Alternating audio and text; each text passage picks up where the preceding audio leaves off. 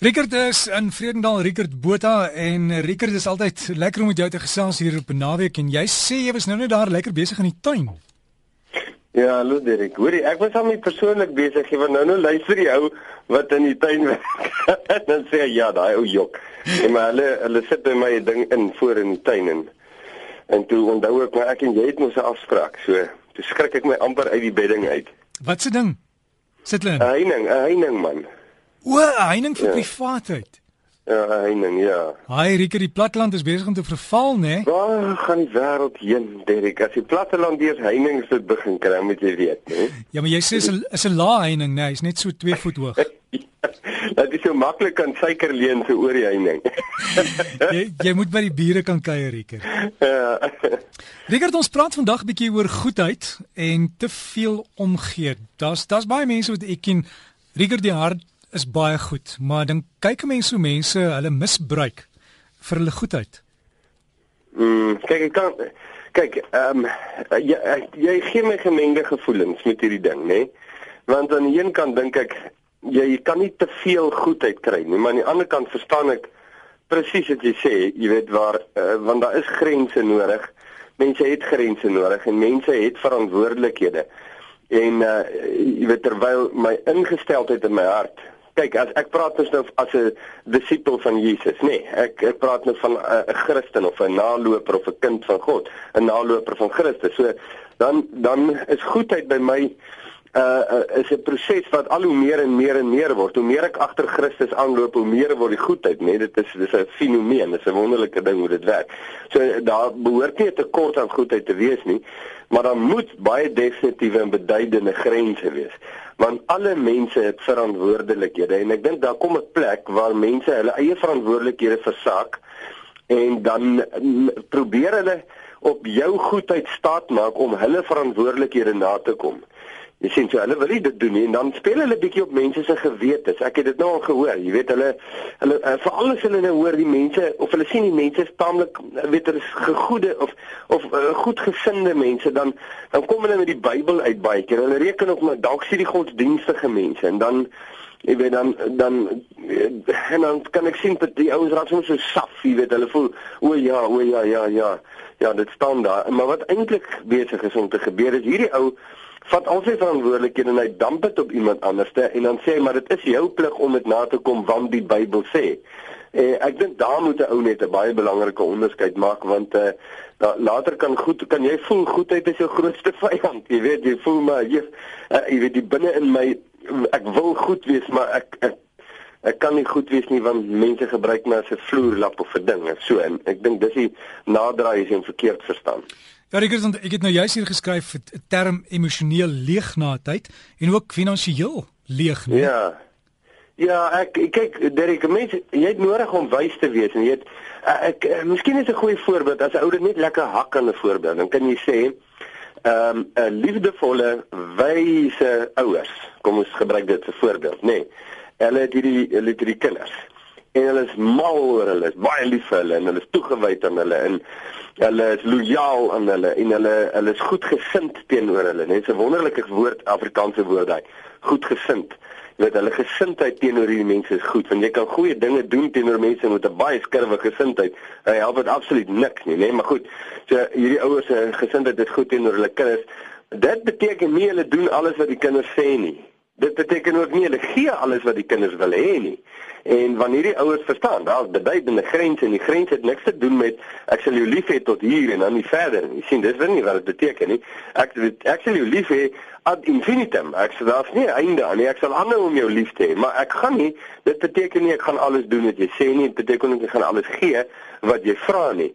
So die oomblik as jy dit in 'n ouer konteks sit, dan verstaan 'n ou dit klink klaar nou moet jy die beginsel toepas ook op jou medemens. En dit beteken jy kan goed gesind wees en liefdevol teenoor ander mense, maar dit beteken nie jy moet alles doen wat hulle vir jou vra nie. Dit beteken ook nie jy moet alles gee wat hulle vra nie. Uh en uh, want dis nie wat liefde beteken nie. Liefde beteken nie jy gee alles en doen maar net alles nie.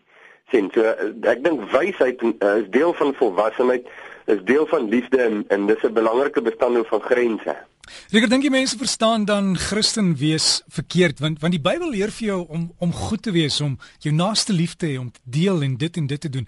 Maar jy kan op 'n punt kom waar jy jouself leeg gedeel het en daar's nie meer van jou oor nie. So jy kan nie ja. meer vir mense gee nie. Ja, jy sien, jy ek weet nie of jy dit bedoel as pres nie. Maar wat jy my nou vra is eintlik jy weet dit kos nou eintlik 'n bietjie gesels nê want dit is nie sommer net hierdie kant of daai kant toe nie dis nou dis is dis is meer is nou dieper. En is, is waar, jy weet uh, ek dink miskien daar's wel kom ek praat van myself nê nee, vir vir 'n belangrike deel het ek nie verstaan uh, presies wat God van my verwag nie en wat dit beteken om 'n navolger van Christus te wees nie. So ek het veronderstellings gehad En die veronderstellings ehm um, was natuurlik by intensies was als goed, nee, nou nie dink dit is nou dit's fout met die intensies nie, maar dit was onwys. Baie van die goed is nie waar nie en dit was net onwys, dis al. En uh, so dan loop jy jou vas. Een jy weet waar 'n onwysheid is, uh, ontbreek wysheid mos. Dis hoekom ons dit onwysheid noem en dan en dan loop jy jou vas. En ek dink jy weet mense se begrip van hoe liefde werk en hoe ek teenoor mense staan en wat van my verwag word. Ek dink baie keer is daar 'n vakuum en ons is nie lekker seker presies hoe dit is nie. So ons het die klok oorlei. Ons weet dit nie lekker waar hang die bel nie. Dis al. So weet ons het nou weet ons sit nou gehoor jy moet nou goed wees en jy moet nou gaaf wees maar in die praktyk hoe die toepassing daarvan. Dis nou waar die waar die die potte in die panne mekaar nou slaan. En ek dink daar het 'n ou baie wysheid nodig, baie nodig om te gesels, maar jy weet jy het nou 'n ding genoem en al wat ek nou daaroor gaan sê is daar's twee baie be belangrike kante van dit wat jy gesê het en ek gaan dit net sê, gaan nie verduidelik nie. Een ding is, jy weet, daar is 'n punt waar ek kan gee totdat ek niks meer het nie en dan maak God my vol. En dan gee ek wyslik. Ek kan nou nie daaroor praat nie, nee, maar dit is belangrik om bietjie te praat daaroor. En dan kan ek gee op 'n onwyse manier en dan gee ek my leeg en dan gee ek my heeltemal lewensverlate. En dis 'n dit was wil nie so intoe gaan nie. Mense het nodig om te leer en weet om te kan onderskei watter een is watter een. Richard, maar dit dit laat mense dink oor jou Christendom en hoe ver mense moet neem, né? Ja, ek dink jy kan jy kan 'n navolger van uh, Christus wees heeltemal weg van Christus af. Jy weet wat jy dink dit is. Kyk, on, ons is ons is jy weet 'n mens se brein is 'n fenominale ding. Weet jy jy werk vir jou goetertjies uit en jy jy plak vir jou allerlei dinge aan mekaar en dan reken jy goed dat hy om 'n navolger van Jesus te wees dan hier sit. Dis hoe dit moet wees. En dan is dit nie noodwendig wat Christus gesê het nie. Jy sien so jy het so half bietjie op die oppervlakte gelees en gekyk en nou het jy 'n beeld en na hardloop jy met hom oor die vlakte. Nou ek sien dit baie. Ek het alself oor die vlakte gehardloop al baie. En dan hardloop jy in 'n sloot in. Jy sien Uh die belangrike ding is om regtig te verstaan en te kan leer en te kan sien hoe lyk Christus in die praktyk en dit werk kos meer as 'n Sondagskoollesie. Jy sien, dit dit kos 'n verhouding met God om hom te leer ken, te sien hoe hy lyk, te sien hoe hy werk, hoe hy reageer, hoe hy maak in die praktyk en dan leer 'n mens wysheid wat jy net nooit gehad het nie want dit het niks te doen met ondervinding nie. Jy sien, uh wysheid is 'n diep ding van die hart en hy kom verby ondervinding, ver verby jou ondervinding en dit leer jy die karakter van God. En dis hoekom dit so belangrik is om nie godsdienstig te wees nie, maar 'n verhouding met God hê. Nou, ek het nog 20 vrae, maar die tyd is nie genoeg nie. Jou pleister vandag asseblief? Ja, ek dink so, daai was nogals goed, nee. Ek het ehm um, want dit sit nou lekker aan die dink, jou vra nou wat jy vra. So kom ons sê, kom ons val die pleister en sê as jy 'n volgeling van Christus is, dan moet jy dit wees op sy voorwaarde en soos wat hy sê. Anders is jy nie 'n volgeling nie. En ek dink daar lê 'n groot stuk lafenis en 'n wysheid in hoe ons optree teenoor mense. Uh, jy weet verfe by ons verwysingsraamwerke. 'n uh, wysheid in Christus oor hoe om te gee, hoe om lief te hê. Weet hoe om te dien. Weet al hierdie belangrike dinge en dat as ons maar net sonder Christus die goed gaan uitdink, gaan die kans baie groot wees dat ons heeltemal in die veld gaan verdwaal en en gaan kom op 'n gevolgtrekking op die einde waar ons net sê dit werk nie, dis nie vir my nie. Jy weet, ek gaan nie daai pad nie. Dis nie God se wil nie. So ek dink die pleister is dis 'n mooi pleister daai. Jy weet, leer Christus ken, kry die wysheid by hom. Richard, iets wat ek ook gedink het dat ek nog gou gaan inpas is toe Jesus mense genees het. Het hy almal genees of net sekere mense? Net sekere. Ek gaan jou volgende keer vra hoekom. ja, ja, ek het dink, maar jy doen dit, jy doen dit aan die einde van 'n kuiertjie en sit jy so bomvraag in. ek skryf hom neer vir volgende week, Rickert. ja, dis reg. So gesels ons met Rickert Botha, hy's ook op Facebook, jy kan hom gaan soek in, in Jesus se voetspore.